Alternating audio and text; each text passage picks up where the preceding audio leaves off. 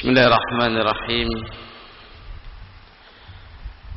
الحمد لله حمدا طيبا كثيرا مباركا فيه. كما يحب ربنا ويرضى أشهد أن لا إله إلا الله وحده لا شريك له. وأشهد أن محمدا عبده ورسوله. قال تعالى في كتابه الكريم يا أيها الذين آمنوا اتقوا الله حق تقاته ولا تموتن إلا وأنتم مسلمون.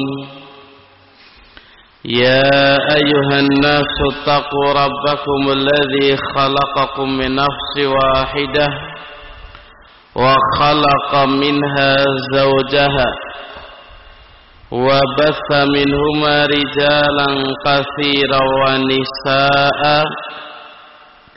واتقوا الله الذي تساءلون به والأرحام. إن الله كان عليكم رقيبا. يا أيها الذين آمنوا اتقوا الله. وقولوا قولا سديدا يصلح لكم أعمالكم ويغفر لكم ذنوبكم ومن يطع الله ورسوله فقد فاز فوزا عظيما. ثم ما بعد فإن أصدق الحديث كتاب الله.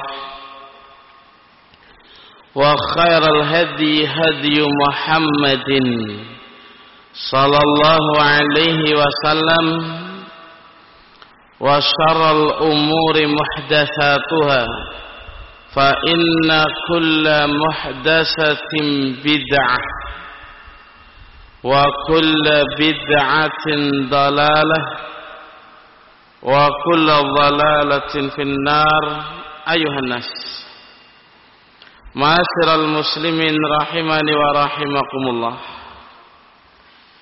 Pada kesempatan yang berbahagia ini kita akan kembali melanjutkan pembahasan kita pada sebuah risalah yang berjudul Al-Mulakhas fi syarhi Kitab Ta'hid yang ditulis oleh Fadilatul Syekh Ad-Doktor Saleh Ibni Fauzan Ibni Abdullah Al-Fauzan Hafizahullah Ta'ala.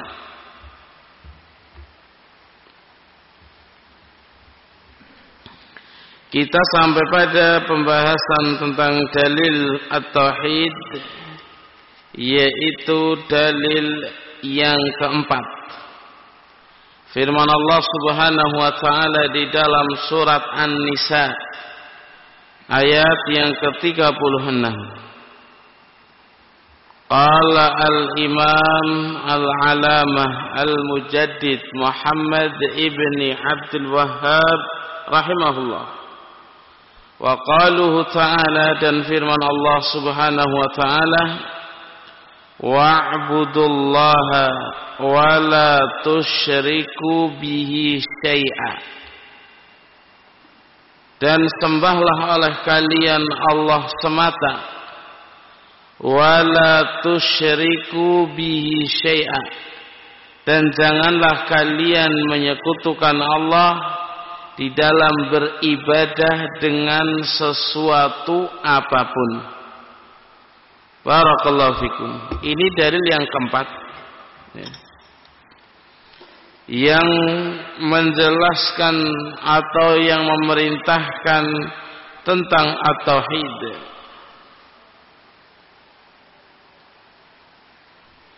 Kemudian telah kita bahas tentang makna dari ayat tersebut. Makna dari ayat di dalam surat An-Nisa 36. Sekarang kita masuk pada pembahasan al-ma'nal ijmali lil ayah. Makna secara garis besar secara global terkait tentang ayat di atas yaitu di dalam surat An-Nisa 36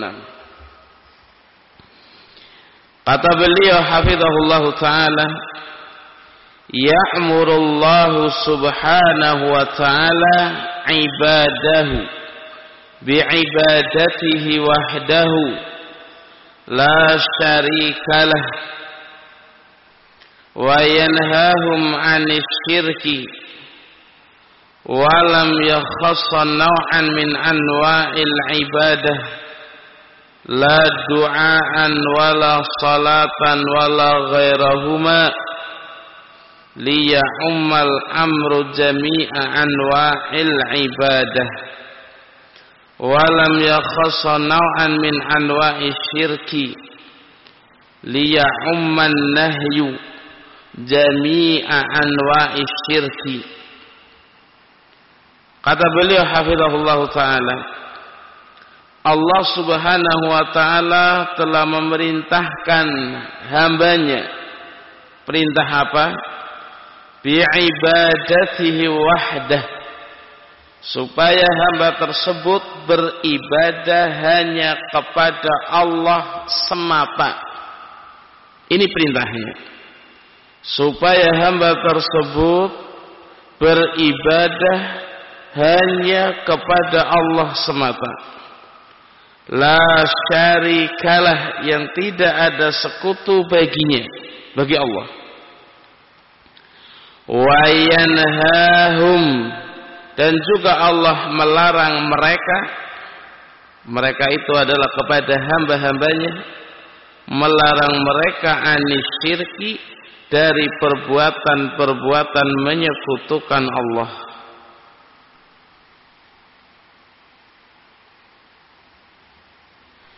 Masyiral muslimin rahimani wa rahimakumullah. Maka ayat di atas sangat-sangatlah jelas di dalam ayat tersebut Allah memerintahkan seluruh hambanya untuk beribadah semata-mata hanya kepada Allah semata dan Allah melarang mereka dari perbuatan menyekutukan Allah.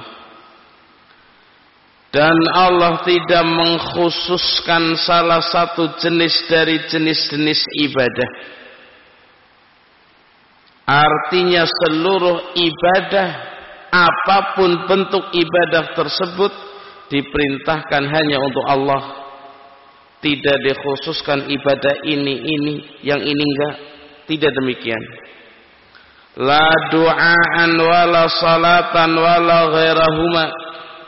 Tidak pula doa karena di antara bentuk ibadah doa.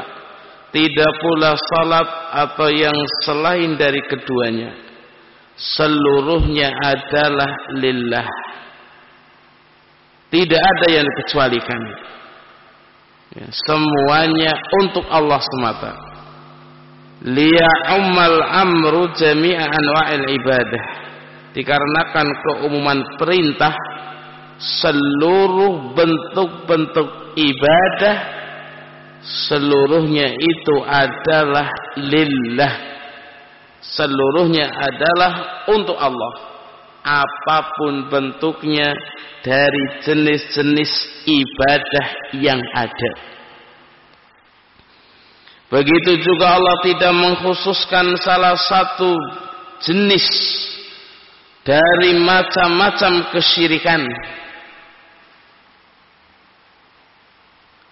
Kenapa demikian? Kata beliau karena keumuman larangan yang ada di dalam ayat tersebut. Liya umman nahyu. Karena keumuman larangan di dalam ayat tersebut jami'a anwa'i syirk. Allah melarang seluruh bentuk-bentuk kesyirikan.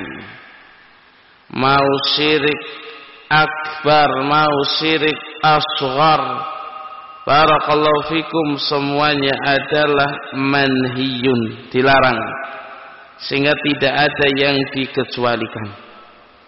Ini makna secara garis besar terkait dengan ayat di atas.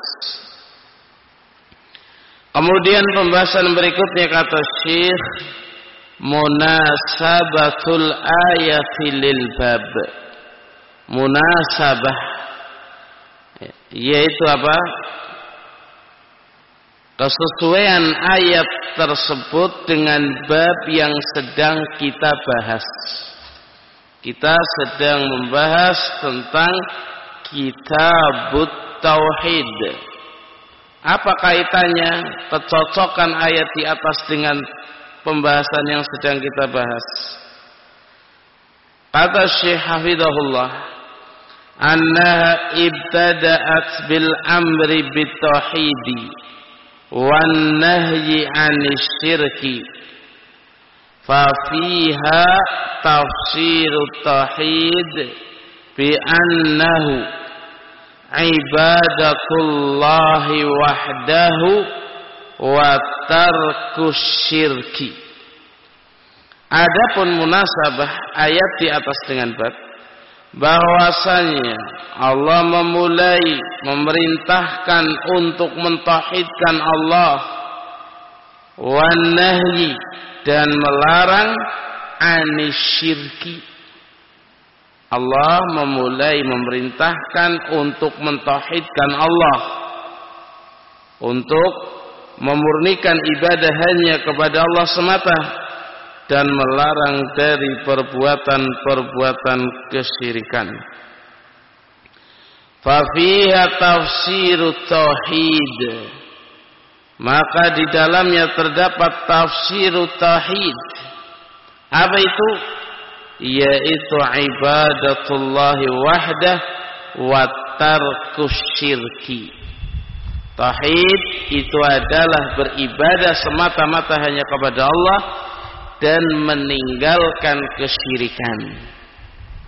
Ini yang sudah kita bahas.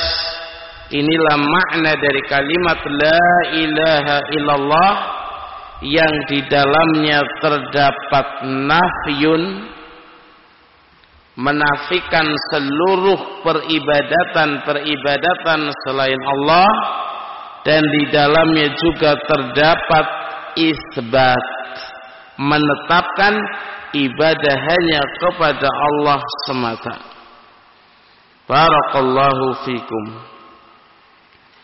Selanjutnya kata beliau hafizahullahu taala ma yustafadu minal ayah beberapa faidah yang bisa diambil dari ayat tersebut itu ayat atau surat An-Nisa ayat yang ke-36. Apa di antara faedah yang kita bisa ambil? Yang pertama, wujubu ifradillahi bil ibadah. Lianna Allah amara bidzalika awala fahuwa akidul wajibat.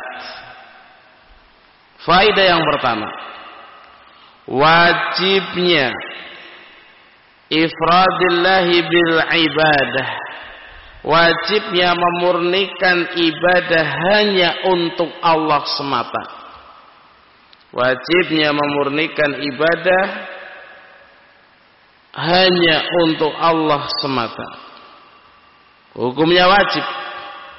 Lian Allah amara bidzalika awala Sesungguhnya Allah Subhanahu wa taala telah memerintahkan yang demikian itu. Apa itu? Perintah untuk memurnikan ibadah hanya kepada Allah semata. Awala yang mana perintah untuk mentauhidkan Allah ini merupakan perintah pertama kali.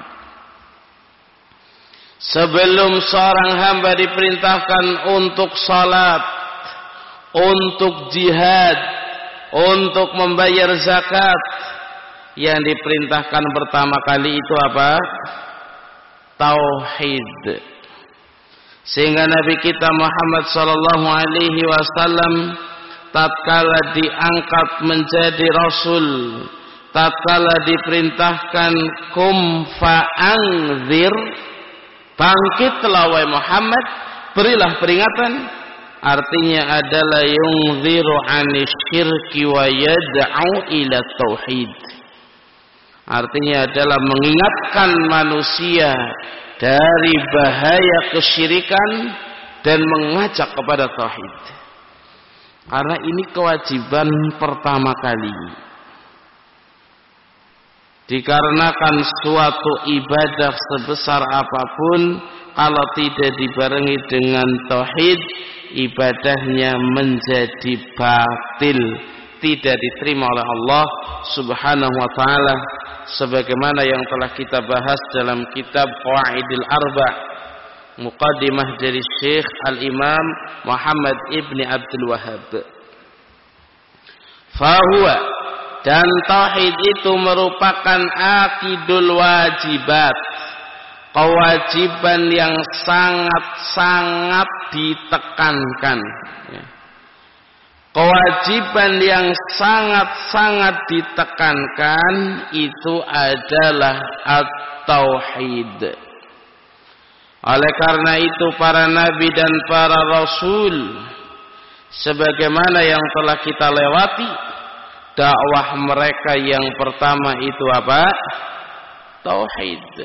Walaqad ba'athna fi kulli ummatin rasulah an ya'budullaha wajtanibut tauhid itu dakwahnya siapa? Para rasul. Yang pertama kali tauhid karena ini kewajiban yang sangat-sangat wajib yang sangat ditekankan. Yang kedua. Faedah yang kedua tahrimu syirki lianna Allah naha anhu Wahuwa asyadul muharramat. Yang kedua, faidah yang kedua adalah haramnya perbuatan menyekutukan Allah. Haramnya perbuatan menyekutukan Allah, perbuatan syirik. Lianna Allah sesungguhnya Allah naha anhu telah melarang dari kesyirikan. Berbagai macam bentuk kesyirikan yang telah dibagi oleh para ulama. Ada asyirku fil hauf fil mahabbah dan seterusnya. Seluruh bentuk menyekutukan Allah itu dilarang oleh Allah Subhanahu wa taala. Fahuwa dan yang namanya asyirku kesyirikan merupakan asadul muharramat. Asyadul muharramat perhatikan. Kesyirikan merupakan perkara haram yang sangat-sangat diharamkan. Jadi perkara yang sangat diharamkan di dalam syariat itu adalah apa? Asyirku billah. Perbuatan menyekutukan Allah subhanahu wa ta'ala dengan beberapa bukti yang didatangkan oleh para ulama. Kenapa syirik menjadi asadul muharramat? Dijelaskan oleh para ulama dikarenakan asyirku billah perbuatan menyekutukan Allah itu merupakan a'zamuz zulmi. Perbuatan syirik itu kezaliman yang paling besar. Sehingga disebutkan di dalam surat Luqman ayat, ayat yang ke-13 inna syirka la zulmun azim. Alasan yang berikutnya anallaha harrama alal alal musyrikina al jannah bahwasanya Allah telah mengharamkan bagi mereka orang-orang musyrikin al jannah diharamkan bagi orang-orang yang musyrik yang mati dalam keadaan menyekutukan Allah dan belum bertaubat diharamkan baginya al-jannah. Barakallahu fikum. Sebagaimana Allah sebutkan di dalam surat Al-Maidah ayat yang ke-72. Bisa dilihat di dalam ayat tersebut. Dan di sana masih banyak lagi alasan-alasan yang lainnya kenapa kesyirikan merupakan asyadul muharramat. Faedah yang ketiga. Anna anna ijtinab anna ijtinab syirki syartun fi sihhatil ibadah. Li'anna Allah qarana al-amra bil ibadati bin nahyi anis syirki bahwasanya yang namanya menjauhi kesyirikan merupakan syarat sahnya suatu ibadah menjauhi kesyirikan merupakan syarat sahnya suatu ibadah. Ya. Sehingga tatkala seorang melakukan ibadah tapi dia tidak menjauhi kesyirikan, barakallahu fikum berarti ibadah yang dia lakukan la yasih. Lianna Allah qarana al-amra bil ibadah. Sesungguhnya Allah membarengkan membarengkan perintah untuk beribadah kepada Allah juga di situ larangan anisyirki larangan dari menyekutukan Allah Subhanahu wa taala faedah yang keempat faedah yang keempat anna syirka haramun qalilahu wa kathirahu kabirahu wa saghirahu li'anna kalimata syai'a nakiratun fi siyakin nahyi fata'ummu kulla dhalik kata syekh anna syirka bahwasanya kesyirikan haramun merupakan perkara yang diharamkan oleh Allah. Qalilahu baik sedikit. Wa atau itu banyak sama diharamkan kabirahu baik yang besar wa atau kesyirikan yang kecil semuanya itu adalah haram diharamkan oleh Allah. Dari sisi mana sisi pendalilannya? Kenapa seluruh perbuatan syirik yang kecil, yang besar, yang banyak, yang sedikit semua itu diharamkan? Li'anna kalimata syai'a dikarenakan kalimat syai'a ini namanya isim nakirah fisiyakin nahyi ya, yang didahului dengan nahyun larangan ini memiliki faedah ta'ummu kulla umum semuanya berarti seluruh jenis kesyirikan itu diharamkan. Mau yang kecil, yang besar, ya. Seluruhnya diharamkan. Barakallahu fikum. Kemudian faedah yang kelima. Annahu la yajuzu an yusyrika ma'allahi ahadun fi ibadati la malakun wala nabiyyun wala salihun minal awliya'i wala sanamun anna kalimata syai'a amah bahwasanya la yajuz tidak boleh an yusyrika tidak boleh menyekutukan Allah di dalam beribadah ahadun dengan seorang pun dia apa pun bentuknya tidak boleh menyekutukan Allah dengan sesuatu apa pun di dalam beribadah. Lama lakun tidak pula seorang malaikat. Tidak boleh seorang itu menyekutukan Allah dengan malaikat. Berdoa kepada Allah di sisi lain juga istighatsah kepada malaikat. Tidak boleh wala nabiyyun tidak pula seorang nabi wala salihun tidak pula orang-orang saleh minal aulia dari wali-walinya Allah wala sanamun tidak pula atau tidak pula dengan patung artinya tidak boleh menyekutukan Allah dengan patung kalau dengan malaikat nggak boleh, nabi nggak boleh, orang soleh nggak boleh, para wali nggak boleh. Fadlan kata para ulama terlebih selain dari mereka, ya. Selain dari mereka, hanya orang-orang taleh ahlul maksiat yang tadinya kahin dukun dijadikan kuburannya sesembahan min dunillah hadza yajuz. Ini tidak boleh. Li'anna kalimat syai'a amah karena kalimat syai'a ini apa? Memiliki arti apa? Umum. Seluruh kesyirikan itu dilarang. Barakallahu fikum maka di dalam ayat ini kita telah mengambil beberapa faidah yang sangat-sangat penting. Ya. Penting untuk kita ingat faidah dari ayat tersebut.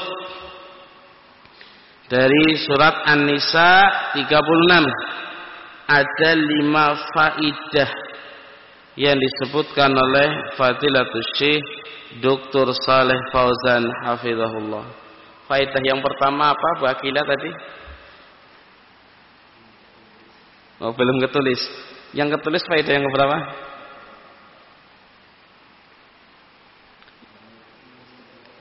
Oh, masya Allah. Tapi ada yang ketulis ya.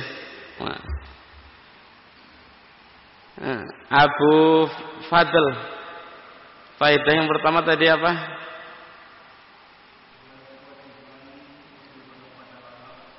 Wajibnya mentauhidkan Allah di dalam ibadah. Yang kedua, Mas Didi. Hmm? Diharamkannya? Diharamkannya surga bagi siapa? Bagi orang-orang musyrik. Nah, faedah yang lainnya lagi. Nah. Abu Hafsah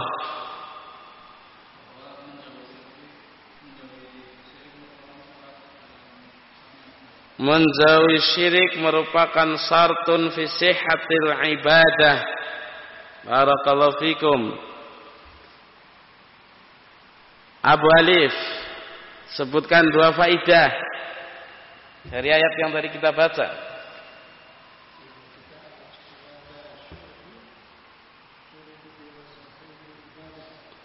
Iya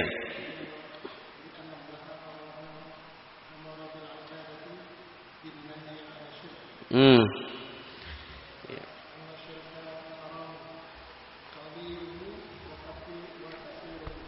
Ya bahwasanya kesyirikan itu haram ya, baik sedikit maupun banyak. Yang terakhir yang kelima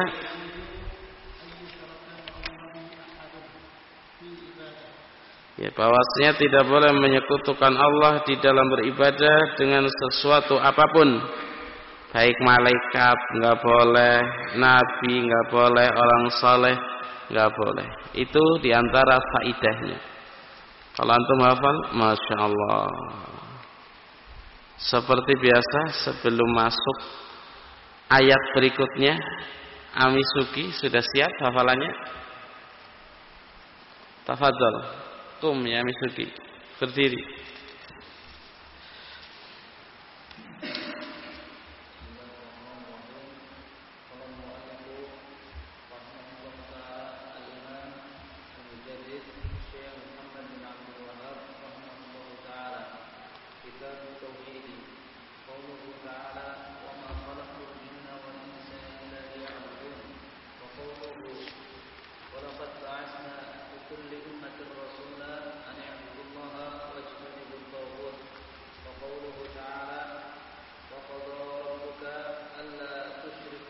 alla ta'budu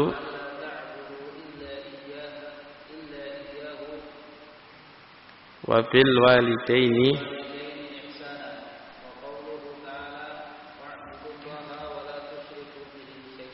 Barakallahu fikum.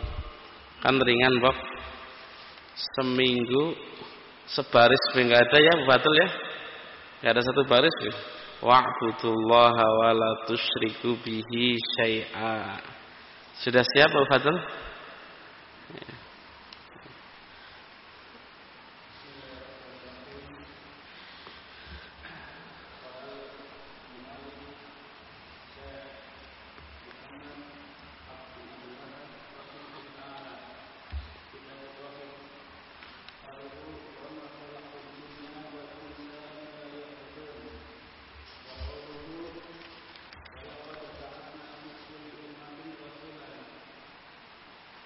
An i'budullah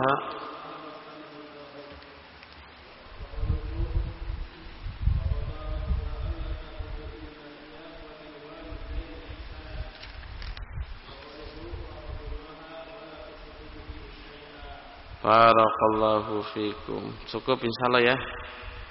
Biasanya tiga. Apa Bu Akilah mau mencoba? Belum ya? Bagus insyaallah ini hafal. Kalau antum mungkin, masya Allah. Kita lanjutkan kita berikutnya. Min usuli akidati ahli sunnah wal jamaah.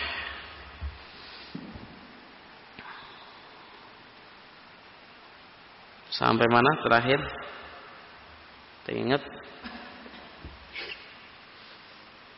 Ustaz Abdurrahman, terakhir sampai mana ya? Hmm. Mana? Al-aslul awal. Iya. Qala fadilatul syekh Ad-Duktur Salih Ibni Fauzan Ibni Abdullah Al-Fauzan Di dalam kitab beliau yang berjudul Min Usuli Aqidati Ahli Sunnah Wal Jamaah. Kita telah membaca Muqaddimah yang disampaikan oleh beliau. Faedah yang sangat banyak. Di antaranya adalah alasan kenapa beliau menulis kitab tersebut. Ya, di antaranya adalah karena banyaknya di sana apa? Al-ikhtilaf wa tafarruq, perselisihan dan perpecahan.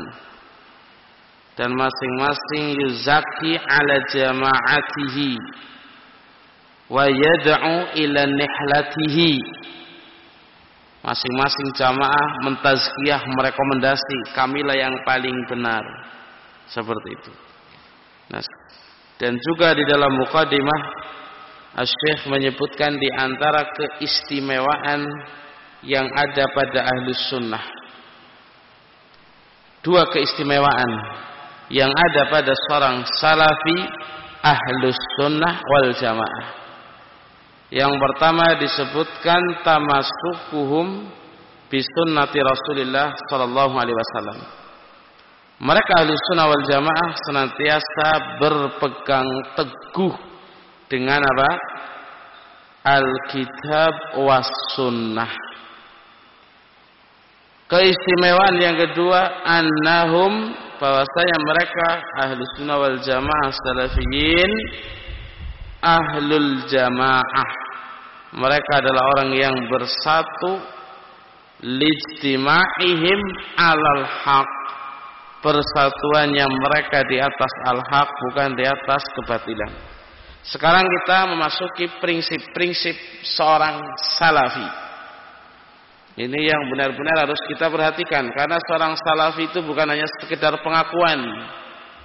Kalau hanya sekedar pengakuan semua bisa mengaku dirinya sah salafi. Ya. Tapi sekarang akan dilihat dengan apa prinsip yang ada pada orang tersebut.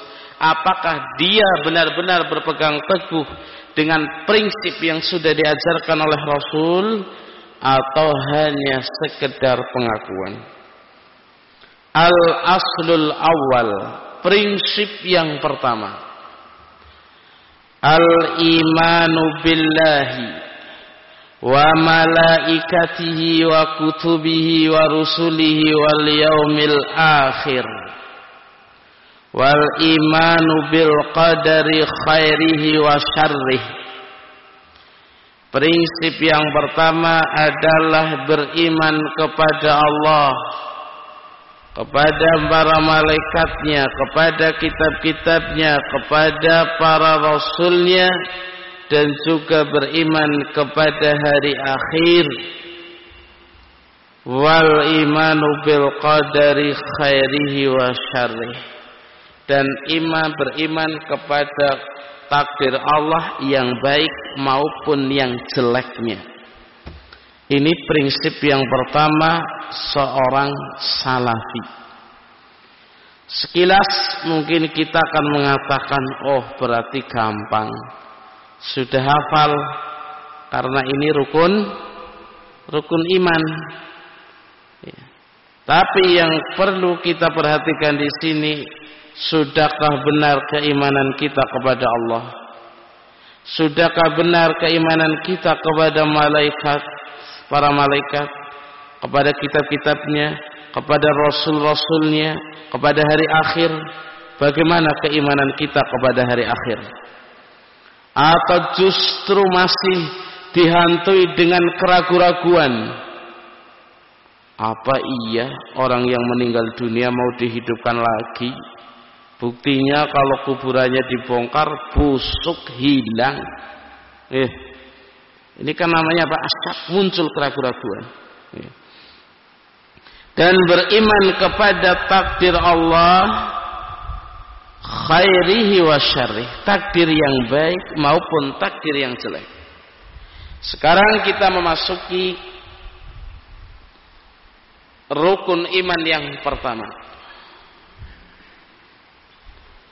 yang pertama adalah al-imanu billah. Yang pertama adalah beriman kepada Allah. Huwal iqraru bi rububiyatihi wa ilahiyatihi.